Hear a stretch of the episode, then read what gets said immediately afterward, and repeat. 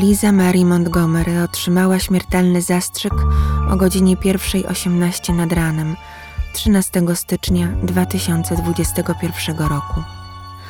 Była to pierwsza od 67 lat kobieta, na której wykonano wyrok śmierci w Stanach Zjednoczonych.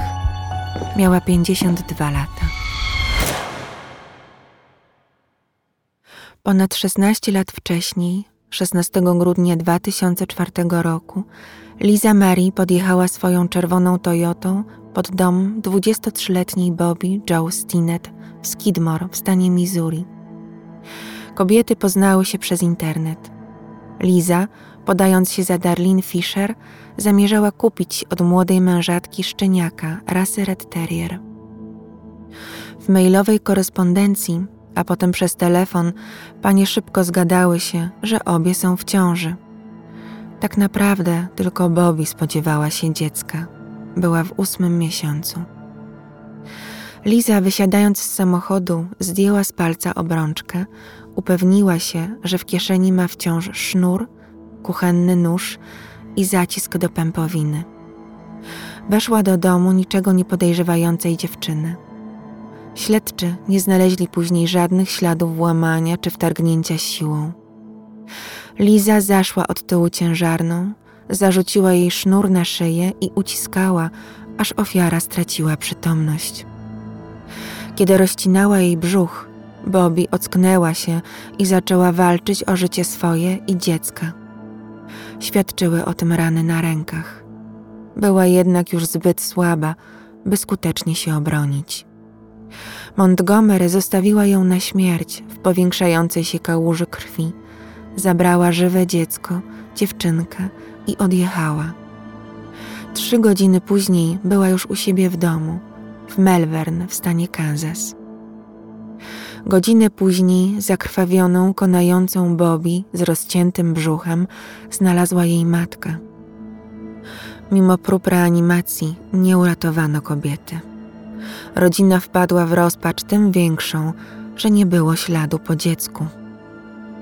Tymczasem Liza udawała przed mężem, Kevinem, że właśnie wróciła z porodówki, a dziecko jest ich. Wcześniej przygotowała rodzinę na taką sytuację. Miała wszelkie objawy ciąży, nudności, przytyła, zatrzymał jej się okres, powiększyły piersi, brała ciążowe witaminy. Skopiowała też wyszukane w sieci badanie USG ciężarnej Stinet i pokazywała je bliskim. Musicie jednak wiedzieć, że Montgomery została wysterylizowana w roku 1990 po czwartej z kolei ciąży, którą przeszła bardzo ciężko. Wiedział o tym jej obecny, drugi z kolei małżonek. Mimo to mężczyzna uwierzył w cudowne poczęcie i narodziny. Następnego dnia w urzędzie Liza i Kevin próbowali zarejestrować dziewczynkę jako Abigail Montgomery, ale urzędniczka miała przeczucie, że coś jest nie tak i powiązała zaginięcie dziecka z Missouri z parą w Melbourne.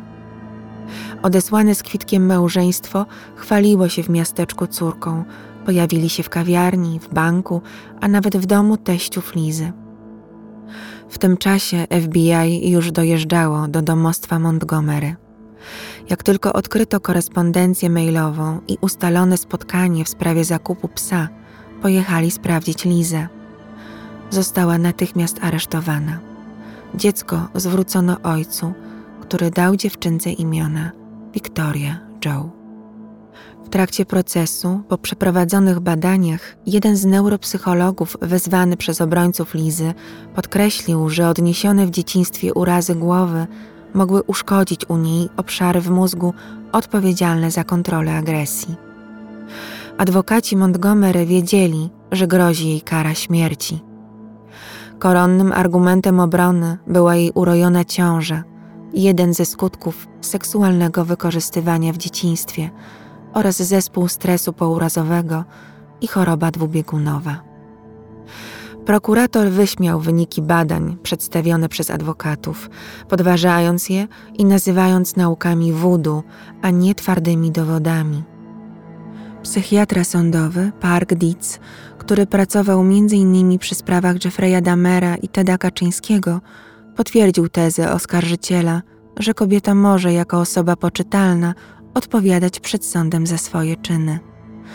Prokurator ponadto wskazywał, że Liza planowała zbrodnie, na co były dowody, miała wysokie IQ, mimo iż starała się ukrywać swój intelekt podczas badań. 4 kwietnia 2008 roku skazano ją na śmierć. Wyrok był tragicznym przypieczętowaniem smutnego losu, jaki zgotowali Lizie jej rodzice od pierwszych dni życia. Liza Marie Montgomery urodziła się 27 lutego 1968 roku. Rodzice byli alkoholikami, matka piła dużo, nawet będąc w ciąży. Liza od urodzenia doświadczała przemocy i patrzyła na przemoc, zarówno między rodzicami, jak i wobec rodzeństwa. Jej dalsza rodzina twierdziła potem, że pierwsze wypowiedziane przez Lizę zdanie brzmiało: Nie bij mnie. Kiedy dziewczynka była w wieku przedszkolnym, matka ponownie wyszła za mąż. Ojczym Lizy, Jack Kleiner, bił nie tylko żonę. Zawsze też rozbierał dzieci do naga, zanim zaczął je katować. Liza nie miała jeszcze dziesięciu lat, gdy zgwałcił ją, a potem wykorzystywał regularnie. Matka go nakryła, ale nie zareagowała. Wręcz zagroziła Lizie, że ją zabije, jeśli doniesie o tym komukolwiek. Tymczasem ojczym płacił swoim znajomym, którzy dokonywali różnych napraw w domu, ciałem swojej pasierbicy. Liza była gwałcona oralnie, waginalnie i analnie. Po latach opowiadała, że mężczyźni przysyłani przez ojczyma przychodzili jeden po drugim, godzinami. Bili ją za każde przewinienie w ich oczach. Po wszystkim oddawali na nią mocz, jakby była śmieciem. Dopiero kiedy miała 15 lat, matka rozwiodła się z Kleinerem i kontynuowała to, co robił jej były mąż. Stręczyła córkę, oddawała ją mężczyznom za pieniądze. Dziecku tłumaczyła, że w ten sposób płaci za swoje utrzymanie. By wyrwać się z rodzinnego piekła, Liza wyszła za mąż w wieku 18 lat za przyrodniego brata. W ciągu pięciu lat urodziła czworo dzieci. Po ostatnim porodzie, wbrew jej woli, została wysterylizowana. Po zabiegu nie mogła dojść psychicznie do siebie. Zaczęła pić, zdarzały jej się często drobne wypadki samochodowe, nie mogła utrzymać pracy, wracały urojone ciąże. Aż w końcu postanowiła zdobyć dziecko. Wyrwała je z łona żyjącej kobiety, a teraz czekała ją za to kara śmierci. W listopadzie 2020 roku ponad tysiąc osób i instytucji podpisało się pod petycją skierowaną do prezydenta Donalda Trumpa. Prawnicy, w tym aktywni i byli prokuratorzy, aktywiści walczący w obronie ofiar przemocy domowej, organizacje zdrowia psychicznego i inni prosili o wstrzymanie egzekucji jedynej kobiety w federalnej celi śmierci, Lizy Montgomery. W październiku egzekucję wyznaczono na 8 grudnia 2020 roku. Nie pomogła jednak prośba, lecz pandemia. Z powodu zakażenia jej adwokaci nie mogli czynnie brać udziału w formalnościach i przesunięto egzekucję na 12 stycznia w więzieniu Terre Haute w Indianie. Do końca jednak walczono o jej życie i dlatego dopiero 7 godzin po wyznaczonym terminie podano jej śmiertelny zastrzyk. Była pierwsza 18 nad ranem 13 stycznia. O 1.31 stwierdzono zgon. Liza weszła do sali egzekucyjnej w maseczce, którą egzekutor delikatnie zdjął. Zapytał, czy chce coś powiedzieć w ostatnim słowie. Odrzekła cicho: Nie. Liza Mary Montgomery, więźniarka numer 11072-031, była trzecią kobietą w systemie federalnym, na której został wykonany wyrok śmierci w ciągu ostatnich stu lat. Adwokaci Montgomery twierdzą, że ich klientka zginęła niezgodnie z prawem. Tak, popełniła zbrodnię, ale była zniszczoną i chorą psychicznie kobietą. Zarówno mąż ofiary, jak i mąż Lizy nie wypowiedzieli się po wykonaniu wyroku. Jej dwie poprzedniczki, Ethel Rosenberg i Bonnie Hedy, stracono w 1953 roku. Hedy oraz jej kochanek Karl Hall zmarli w komorze gazowej, skazani na śmierć za porwanie i zamordowanie sześciolatka, synka multimilionera w Kansas City. Rosenberg, podobnie jak jej mąż, umarła na krześle elektrycznym, stracona za szpiegowanie na rzecz Związku Radzieckiego. I o niej również Wam opowiem, bo wyrok skazujący ją na śmierć do dziś budzi kontrowersje od strony moralnej i prawnej. Osławione więzienie Sing Sing w Nowym Jorku. Dochodziła godzina 20, 19 czerwca 1953 roku. Tego wieczoru skazani małżonkowie Ethel i Julius Rosenberg widzieli się, ale nie zamienili ze sobą ani jednego słowa. Egzekucja mężczyzny odbyła się bez komplikacji. Stracił życie w kilkanaście sekund od uruchomienia prądu. W przypadku Ethel aż pięć razy uruchamiano prąd, by doprowadzić do jej śmierci. Podczas podawania dawki prądu uszkadzany jest układ nerwowy, a mięśnie płoną dosłownie z bolesnych skurczy.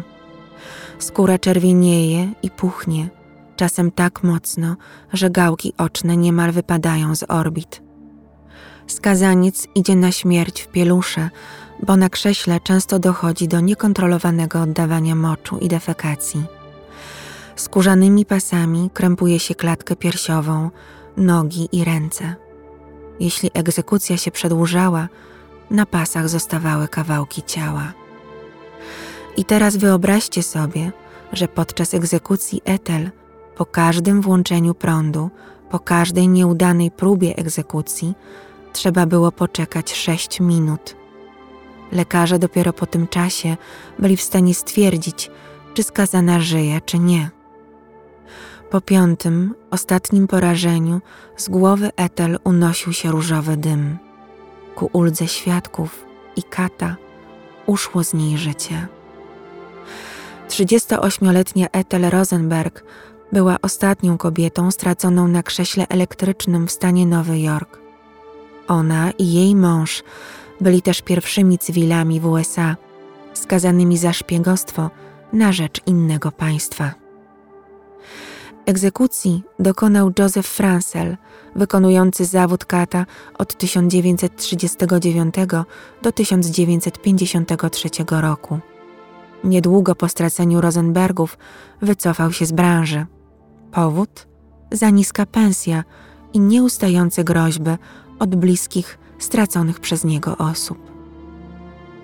Ethel Rosenberg i jej o trzy lata młodszy mąż Julius zostali skazani na śmierć za szpiegostwo na rzecz Związku Radzieckiego. Oboje przekazywali informacje na temat budowy amerykańskiej bomby atomowej. Byli jedynie pionkami w grze.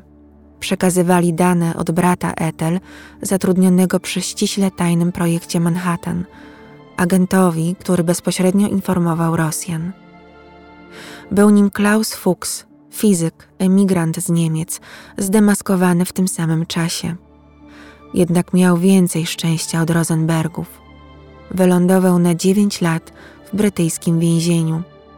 Potem wyjechał do NRD i tam zmarł w latach osiemdziesiątych.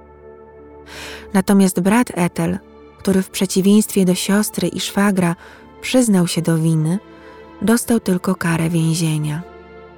Mimo iż kobiecie proponowano zmniejszenie kary w zamian za przyznanie się, ta jednak odmówiła nie pełniła w całym szpiegowskim przedsięwzięciu zbyt ważnej roli.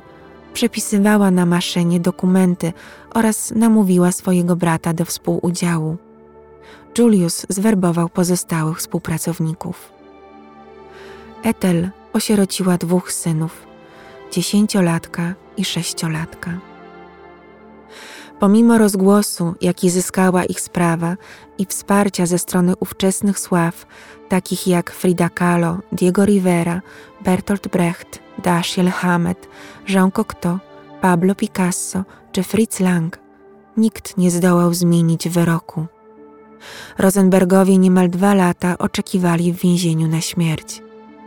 W tym czasie Albert Einstein prosił prezydenta Trumana o łaskę dla nich. Nawet papież Pius XII zwrócił się z prośbą do nowo wybranego prezydenta Eisenhowera. Nic nie wskurali.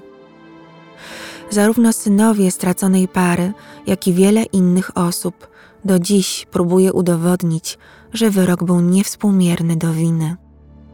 Ethel i Juliusa ukarano dla przykładu, by pokazać, co czeka obywateli, jeśli poważą się na podobny krok. Właśnie takie wątpliwości sprawiają, że słuszność wykonywania kary śmierci jest wciąż dyskutowana. Szczególne emocje budzi użycie krzesła elektrycznego. I tu zadam Wam pewne pytanie z zupełnie innej beczki. Jaki macie stosunek do dentystów? Czujecie się komfortowo, siadając na krześle dentystycznym? Czemu pytam? Krzesło w gabinecie stomatologicznym to pierwowzór krzesła elektrycznego. Dentysta Alfred Southwick z Buffalo w stanie Nowy Jork był zafascynowany elektrycznością, co w połączeniu z wiedzą na temat odpowiednich krzeseł zainspirowało go do zbudowania pierwszego modelu. Thomas Edison pomógł mu od strony technicznej i finansowo podczas pierwszych testów na zwierzętach. Ofiarami były bezpańskie psy, a nawet konie. Pierwszy raz użyto krzesła do egzekucji 6 sierpnia 1890 roku. I nie było to udane doświadczenie. Był to po prostu eksperyment na żywym człowieku, w obecności Thomasa Edisona zresztą. Jeszcze przez wiele kolejnych lat, na wielu skazańcach, testowano długość czasu porażania prądem, miejsce przypinania elektrod, stabilność krzesła ale to już zupełnie inna historia, którą też Wam kiedyś opowiem. Wracając do tematu egzekucji kobiet, w przeciągu ostatnich stu lat stracono w Stanach Zjednoczonych 50 pań. Ostatnia, niefederalna egzekucja odbyła się w 2005 roku.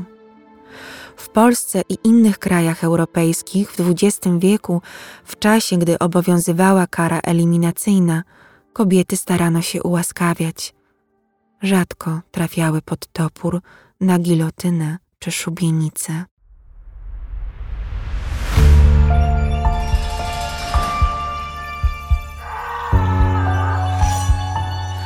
Dziękuję za Waszą uwagę i zapraszam do wysłuchania kolejnych opowieści o prawdziwej makabrze. Renata z worka kości.